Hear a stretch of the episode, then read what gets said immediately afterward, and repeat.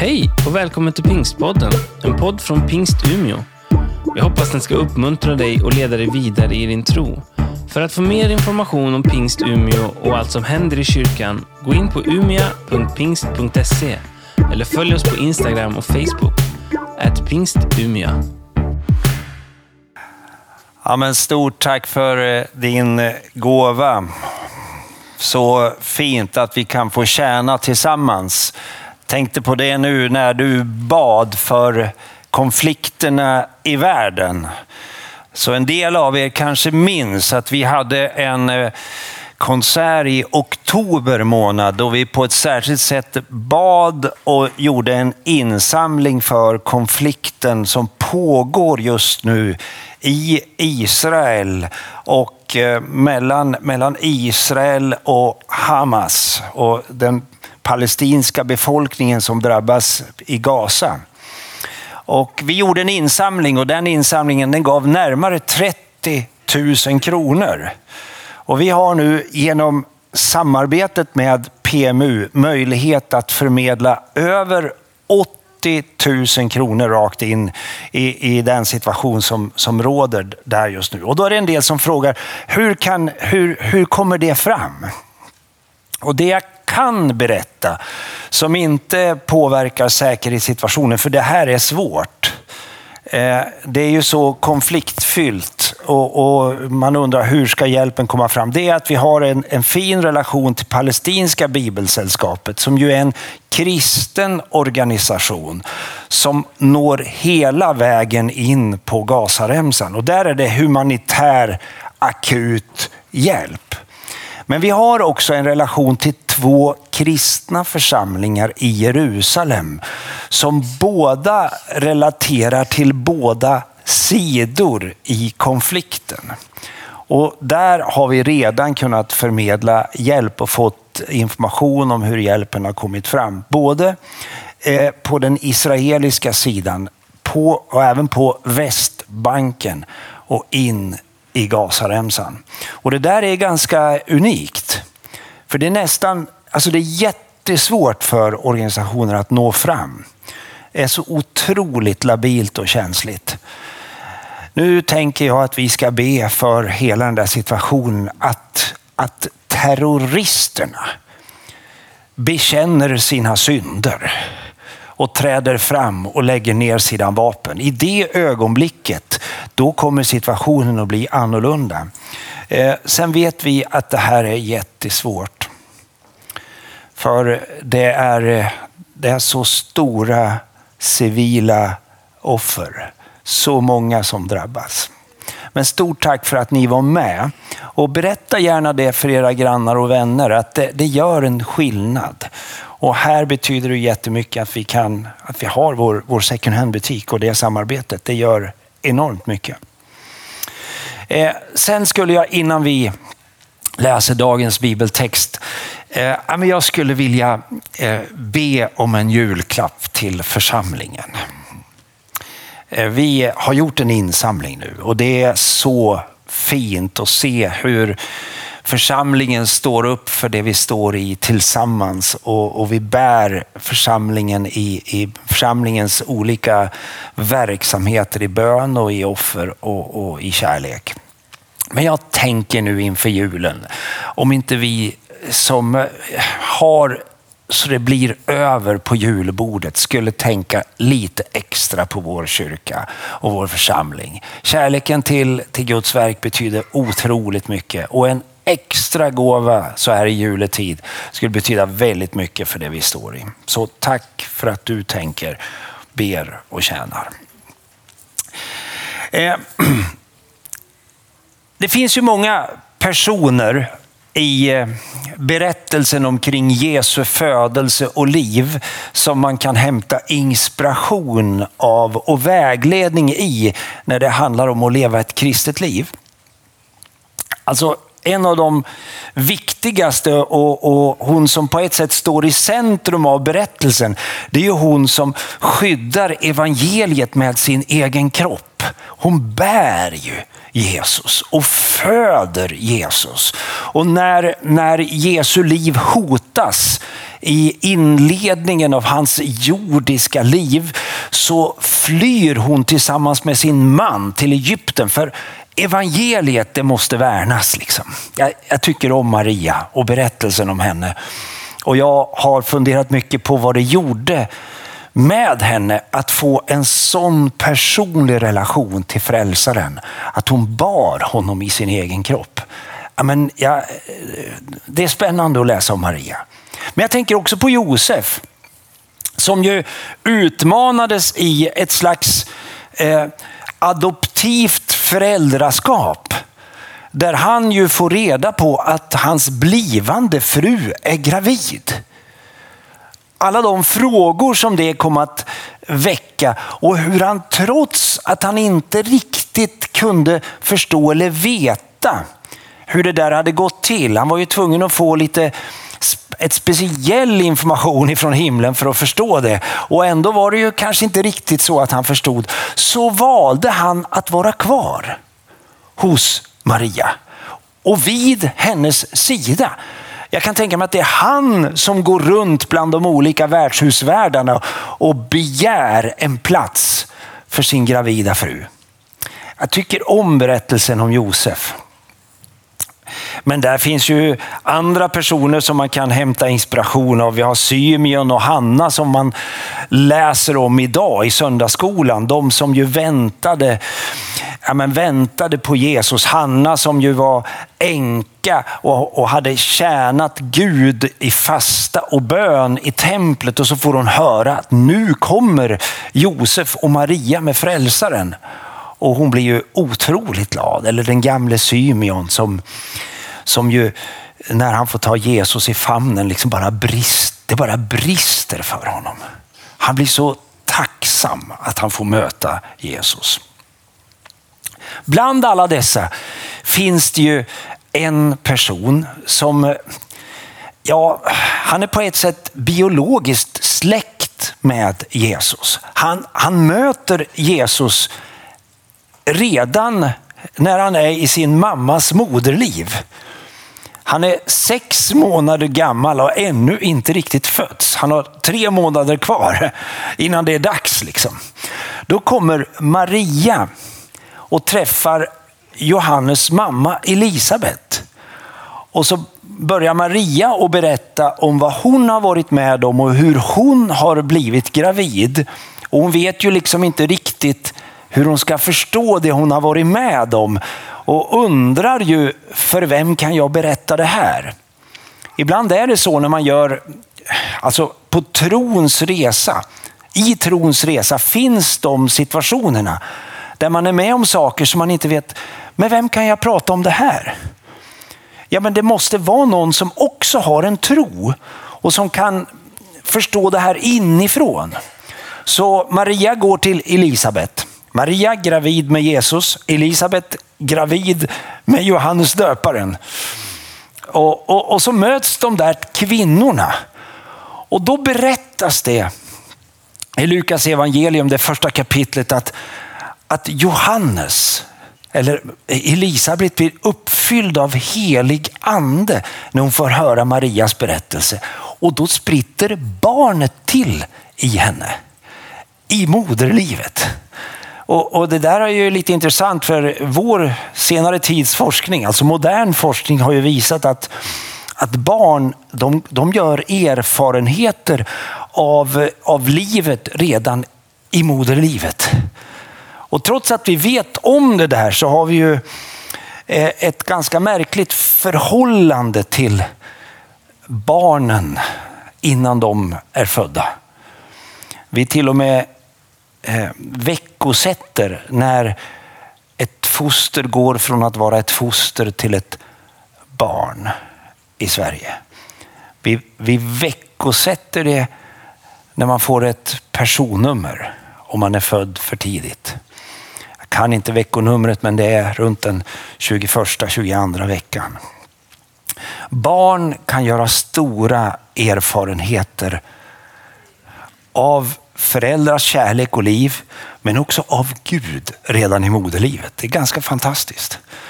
Så Johannes när han föds så har han redan upplevt Guds närvaro i sitt liv.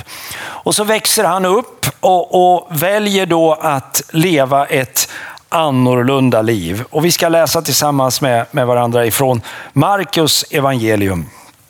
Det första kapitlet. Eh, Markus den ivrige, som eh, när han ska beskriva evangeliet om Jesus, han hoppar över hela historien. Eh, han hoppar över Jesu födelse och, och så går han direkt på Jesu offentliga verksamhet. Han börjar så här. Här börjar glädjebudet om Jesus. Det är Jesu jordiska namn. Kristus, det betyder Messias. Det är Jesu messianska namn.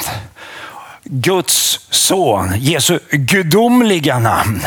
Alltså han direkt säger att nu ska jag prata med er om en människoson, om den person, hela gamla testamentet pekar på den, den kommande frälsaren. Jag ska tala med er om en gudason. Och det är samma person. Som det står skrivet hos profeten Jesaja. Se, jag sänder min budbärare före dig. Han ska bereda vägen för dig. En röst ropar i öknen. Bana väg för Herren. Gör hans stigar raka. Så uppträdde Johannes döparen ute i öknen och förkunnade syndernas förlåtelse genom omvändelse och dop. Och hela Judeen och alla Jerusalem kom dit ut till honom och de bekände sina synder och döptes av honom i Jordan. Johannes var klädd i kamelhår och hade ett läderbälte om livet. Han levde av gräshoppor och vildhonung. Han förkunnade, efter mig kommer den som är starkare än jag och jag är inte värdig att böja mig ner och knyta upp hans sandalremmar. Jag har döpt er med vatten. Han ska döpa er med helig ande. Vid den tiden kom Jesus från Nasaret i Galileen och döptes i Jordan av Johannes. När Jesus steg upp ur vattnet såg han himlen dela sig och anden komma ner över honom som en duva och en röst hördes från himlen. Du är min älskade son. Du är min utvalde. Ja, men rubriken. Johannes döparen, en annorlunda influencer. Vi har ju ett antal influencers i, i vår tid. Jag eh, log lite för mig själv när jag såg eh, en av de nya influencers. Det är ju en, eh, en kille som kör traktor i Skellefteå. Jag vet inte om ni sett det? Han har 1,2 miljoner följare på Youtube nu. Nu fick han väl några till tänker jag. Han plogar och de har visst fått något otroligt med snö i Skellefteå. Jag vet inte vad det beror på. Är det vanligt? Jag tittar på, är det några som är från Skellefteå här? Ja, brukar det vara mycket snö? Brukar det vara mer snö där än här? Det är så. Det är liksom ett snö, snörike. Ja, de har väl visst 115 centimeter och jag har väl inte räknat till mer än 75 ute i Stöcksjö. Så det är lite mer där uppe.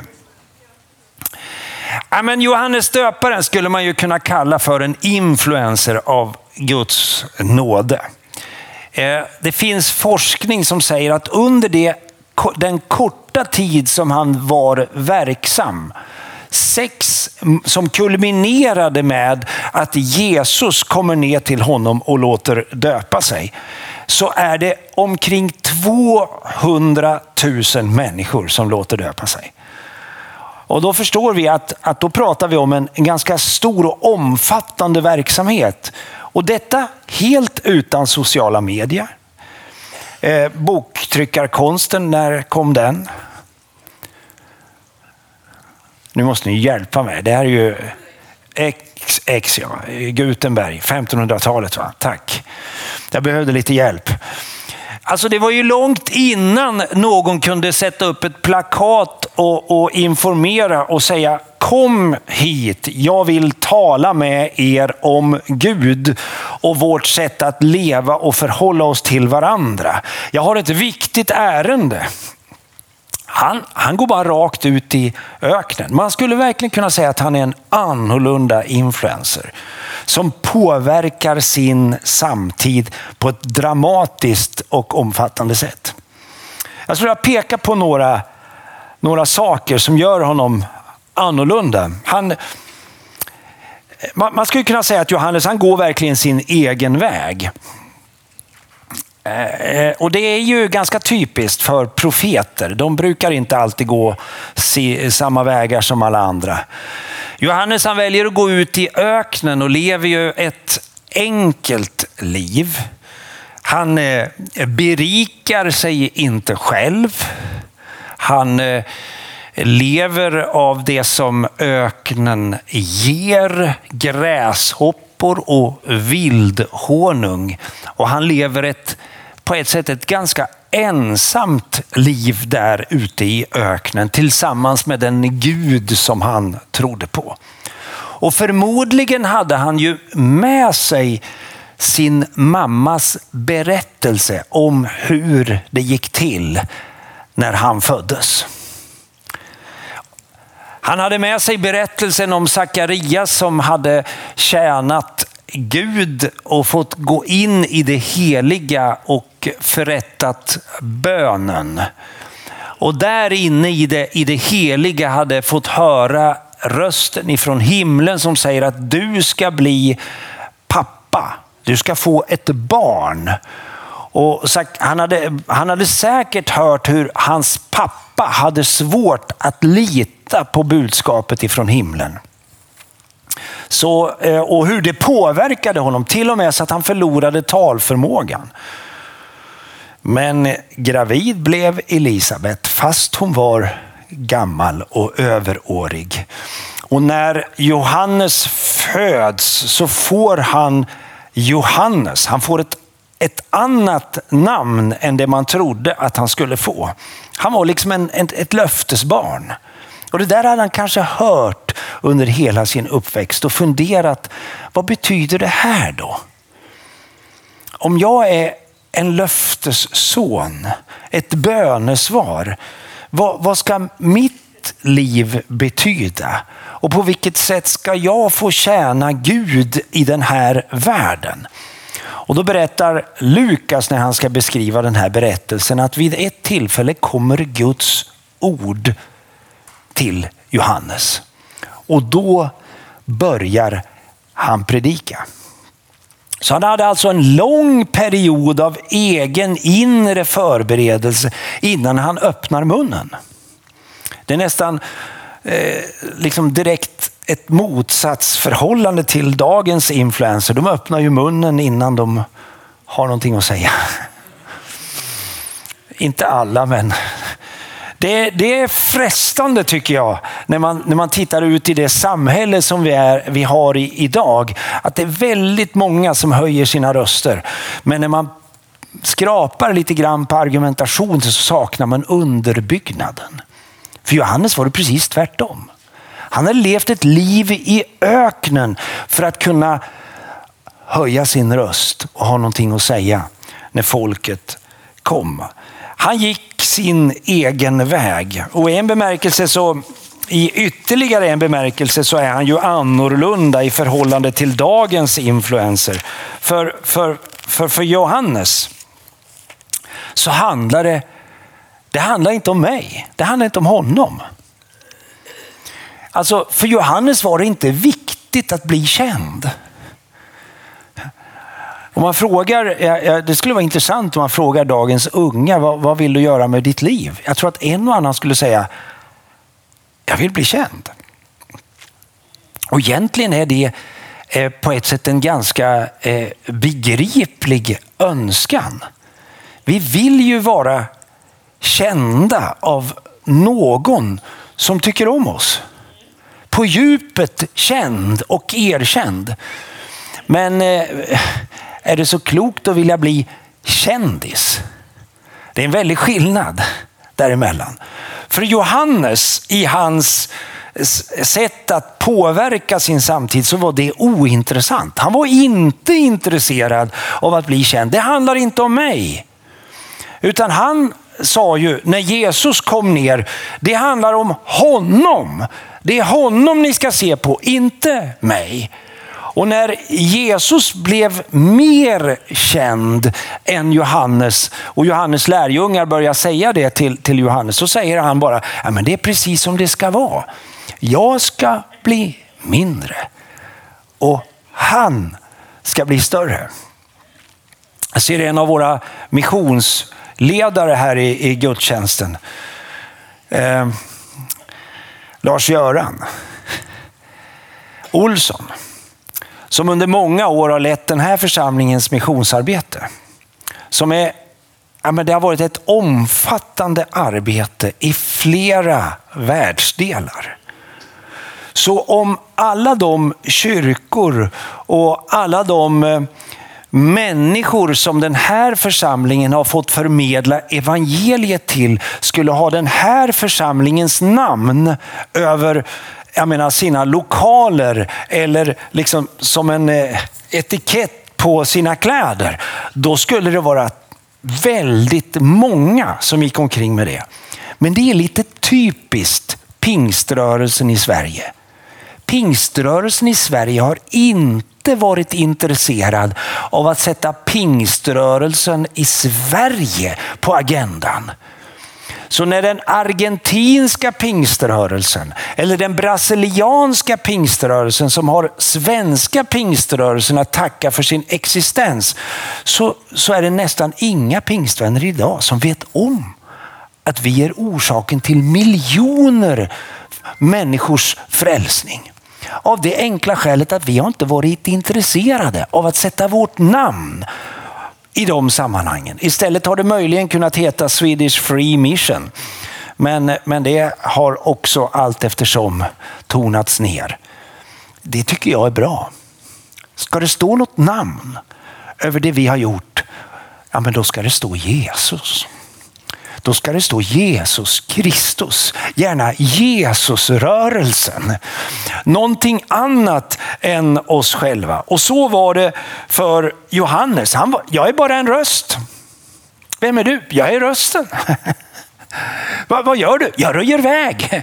Ja, men vem ska gå på den? Jo, det är för, det är för, det är för Jesus. Ja, jag gillar den inställningen. Vem är du?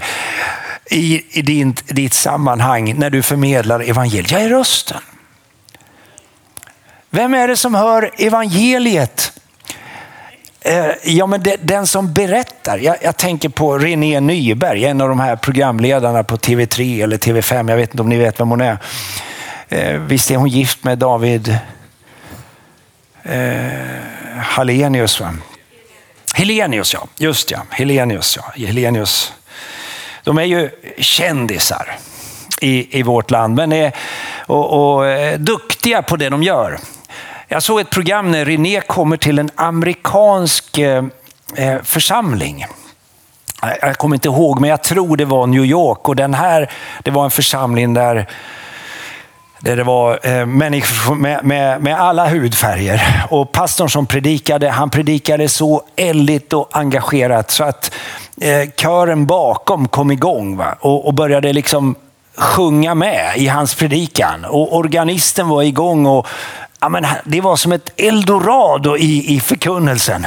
Och när René Nyberg, hon blev väldigt tagen av, av hela sammanhanget. Hon går fram till pastorn efteråt och så säger hon, jag måste bara få tacka för predikan.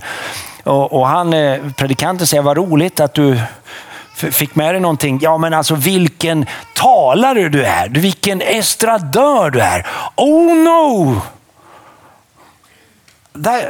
Det, jag är ingen, det är inte det som är grejen. Utan I'm just the delivery boy. I'm just the postman. It's the message girl.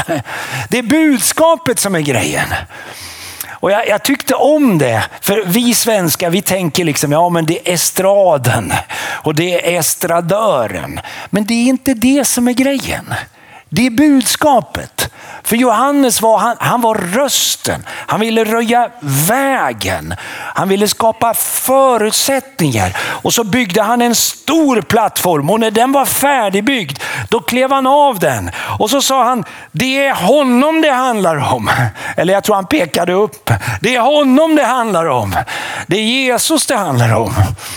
Se på honom. Det är han som tar bort världens synd. Det är han som kommer att döpa er i helig ande och kraft. Det är han som kommer att göra det. Om ni ska tro på någonting så är det honom ni ska tro på. Och så kan ni lita på att det jag säger om honom är sant. Jag gillar det. Det handlar inte om mig. Och, och, och då kommer vi osökt in på, på den tredje punkten. Eh, budskapet, Johannes döparens budskap. Det var ju verkligen eh, radikalt raspigt. Liksom.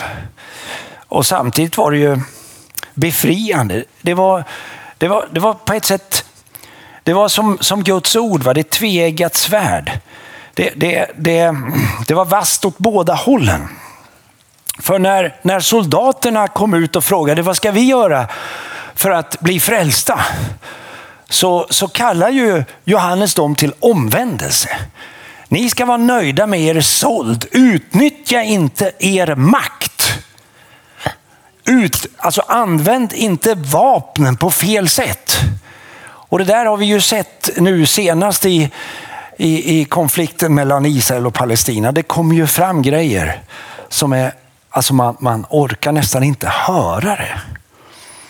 Hur man använder vapnen på ett sätt som är så makt makabert. Johannes han säger till soldaten, omvänd er, var nöjd med er såld.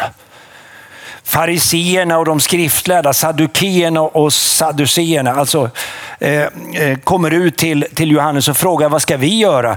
Ja, omvänd er. Ni behöver också omvända er. Ni kan inte hävda att ni ska ha företräde för att ni eh, har eran förkunskap i lagen och profeterna. Ni kan liksom inte hävda att ni är bättre än några andra. Ni behöver också omvända er. Och, och när de inte fattade hur, hur, det hela stod till så använder han ord som man nästan tänker, mm, Johannes, det där var lite väl raspigt. Huggormsyngel. Ni är som vitmenade gravar. Det är ju Jesu egna ord. Han, han, han beskrev deras eh, eh, självrättfärdighet som väldigt destruktiv. Folket kommer ut och frågar vad ska vi göra? Vad ska vi göra då om, om vi vill få tag i, i, i det du säger? Ja, vad säger han? Eh, den som har två skjortor delar med sig åt och, och, och dela med sig. Den som har bröd delar med sig. Alltså det, var, det var ett väldigt radikalt, ett etiskt och moraliskt eh, radikalt budskap. Eh, eh, han förväntade sig förändring. Alltså det var, inte, eh, en, det var liksom inte en tro som bara bekräftade värdet hos de som kom ner till Jordan och ville bli döpta. Utan det var en tro som utmanade och sa du behöver vända om. Det var radikalt som man nästan, mm, jag vet inte riktigt om man skulle kunna ta med sig det eh, ut i, i, i det moderna svenska samhället. Går det att förkunna ett sådant evangelium? Ja, det gör det ju. Om man håller samman radikaliteten med nåden. För samma röst som talade och kallade till omvändelse och dop sa ju att Jesus är den som renar oss ifrån alla synder. Han pekade på lammets blod som kan rena oss och förvandla våra liv. Så det var inte bara en moralisk uppryckning som, som Johannes predikade, utan han predikade evangeliets nåd. Och för Johannes var Jesus inte bara den som kunde rena och, och befria. Han var också den som kunde ge kraften att leva ett annorlunda liv. Omvänd er och låt döpa er. då får ni syndernas förlåtelse och den helige ande som gåva. Alltså det Johannes predikade när han sa att Guds rike är nära var väldigt likt det Petrus predikade på pingstdagen.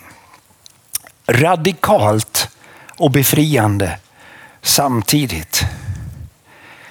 Ja, men tänker någon då när vi närmar oss Johannes och funderar på om han kan vara en inspirationskälla för våra liv. Alltså han verkar vara så ouppnåelig, leva på gräshoppor och vildhonung, leva ute i öknen, ett annorlunda liv. Jag är inte där Ulf. Nej, jag fattar. Jag är inte heller där alla dagar. Men det är ganska trösterikt att läsa hela berättelsen om Johannes. För Johannes var inte bara den här superinfluensen. Den här superkraften. Utan han var ganska mänsklig. Han utmanade ju också eh, den politiska ledningen och det, det kostade honom till slut livet. Och, och, när han är fängslad för sin tro och sin förkunnelses skull. Alltså det finns ju ibland ett pris att betala för att stå för sin tro. Då, då drabbas han av tvivel. Eh, eh, jag tycker det är, är viktigt att påminna om det. Man kan läsa om det i bland annat i Lukas evangelium, det sjunde kapitlet. Johannes han får, får höra om, om, om situationen och då skickar han två av sina lärjungar till Jesus med en fråga. Han som hade varit så säker på att han visste.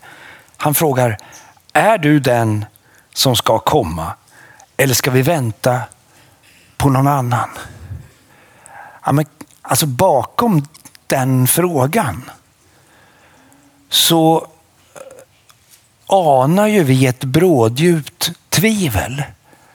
Ni kan ju tänka er, här har han tjänat och sett tusentals människor komma till tro och, och fått sina liv förvandlade och börja gå en annan väg med en annan livsinriktning.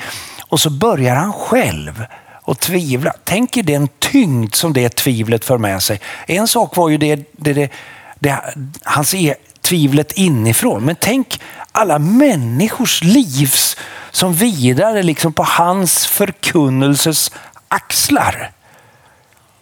Alltså vad, vad hände hos Johannes då?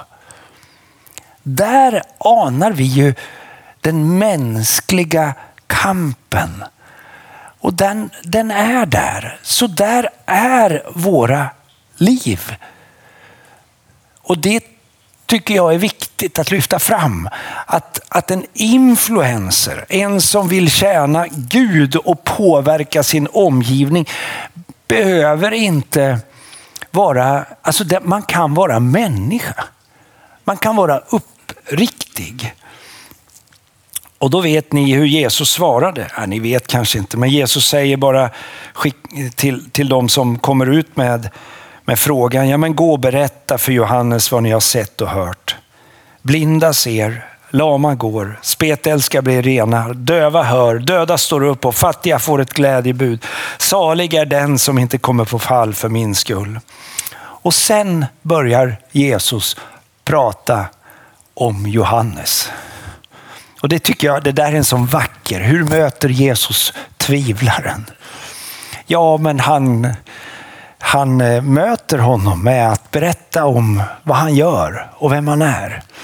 Lugnt och, och sakligt. Och sen börjar Jesus bekräfta vem Johannes är. Vad var det ni gick ut i öknen för att se? Var det ett strå som vajar för vinden? En som stoppar in fingret i munnen och undrar åt vilket håll det blåser. Nej, det var det inte. Ni gick ut, var det, var det en man med fina kläder och dyrbara kläder som lever i lyx och som ni hittar i palatsen? Nej, det var det inte. Men vad gick ni då ut för att se? En profet? Ja, jag säger er, en som är mer än en profet. Jag säger er, ingen av kvinna född är större än Johannes. Och jag kan tänka mig vad de orden gjorde med Johannes. Så när vi är där i tvivlet och undrar, funkar det för mig? Alltså, finns det någon bärighet i våra liv? Eh, bara för att öppna upp det där lite grann. För mig kommer ju tvivlet när jag ser mina egna brister. Jag tycker att det borde ha hänt mer i mitt eget liv. Mina egna tillkortakommanden, när de jagar ikapp mig och jag ser vilken effekt de får i det sammanhang jag står och jag inte kan bättre, fast jag vill bättre. Ja, men då är ju djävulen snabbt där och börjar prata och kommunicera. Och då tar han tag i de där svaga delarna i mitt liv.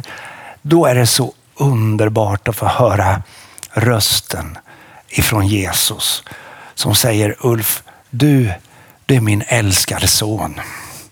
Jag är på din sida. Jag är med dig. Jag vet om de där bristerna, men de hindrar mig ändå inte från att använda dig. Så när Johannes döparen får ge sitt liv för det han tror så blir det en förkunnelse som når hela vägen in till maktens boningar. Det får en sån effekt att när Jesus Kristus är på väg att dömas till döden, då är det samma mäktiga ledare som inte vill ge sig med mindre än att de får reda på vad som är sanningen om Jesus. Både Pilatus och kung Herodes ville ju veta. Jag tror att det hade med den där annorlunda influensen att göra. Någon hade berättat. Någon hade vittnat. Ja, vad tar du med dig i den här berättelsen? Ja, men vi är ju på olika platser. Någon kanske fastnade och tänkte, ja, men jag, för mig är det Maria. Jag skyddar evangeliet med min kropp. Det är min insats i Guds rike. Jag ska bevara, jag ska beskydda så att det evangelium som är som en lysande pärla ska få växa fram i vårt land. Någon annan tänker, jag är Josef, jag står troget vid Marias sida. Någon är Symeon eller Hanna. Någon är herdarna som söker upp och bara vill få reda på om det är som änglarna har sagt. Men någon här är Johannes. Det är kanske tid för dig att lyssna till kallelsen från himlen. Som säger nu ska, jag, nu ska jag häva upp min röst i det sammanhang jag står. Och du kanske tänker, vem kommer att komma ut hit till öknen i Jordan? Ja men du, när du börjar höja din röst och stå för din tro och människor märker att det där är på riktigt, då kommer man att vallfärda från Judeen, från Samarien och ifrån Galileen. Man kommer att gå från hela landet för att höra dig tala om den frälsare som Jesus Kristus är.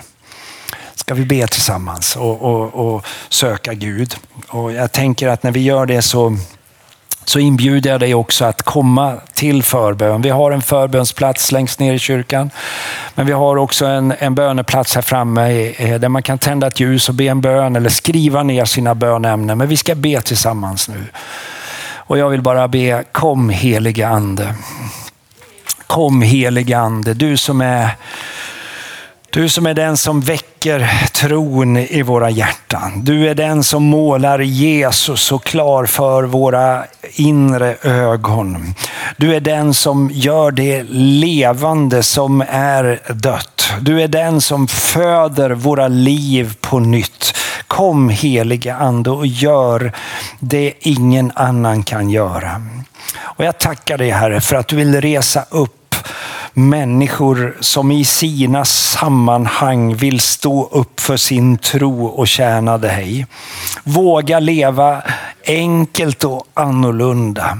Våga vara en röst för evangeliet. Vara en röst som ropar i öknen. Våga vara den som gör i ordning en väg där det inte finns någon väg nu. Där ingen tidigare har åkt och där Jesus tidigare aldrig har varit. Tack för vägröjare. För människor som vågar göra väg för evangeliet och Guds rike. Kom helig ande, jag ber. Så tackar jag dig för att du välsignar också oss när vi kämpar med våra egna tvivel. När demonerna ger sig på oss. Både de som kommer utifrån men de som emellanåt liksom tränger igenom försvaret. Tack att du är den som skyddar hjärta, hjärna och liv. Kom helig ande, jag ber och bekräfta värdet hos var och en.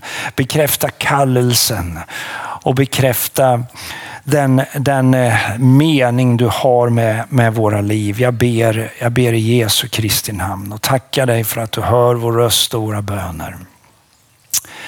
Tackar dig Herre för att du är här just nu.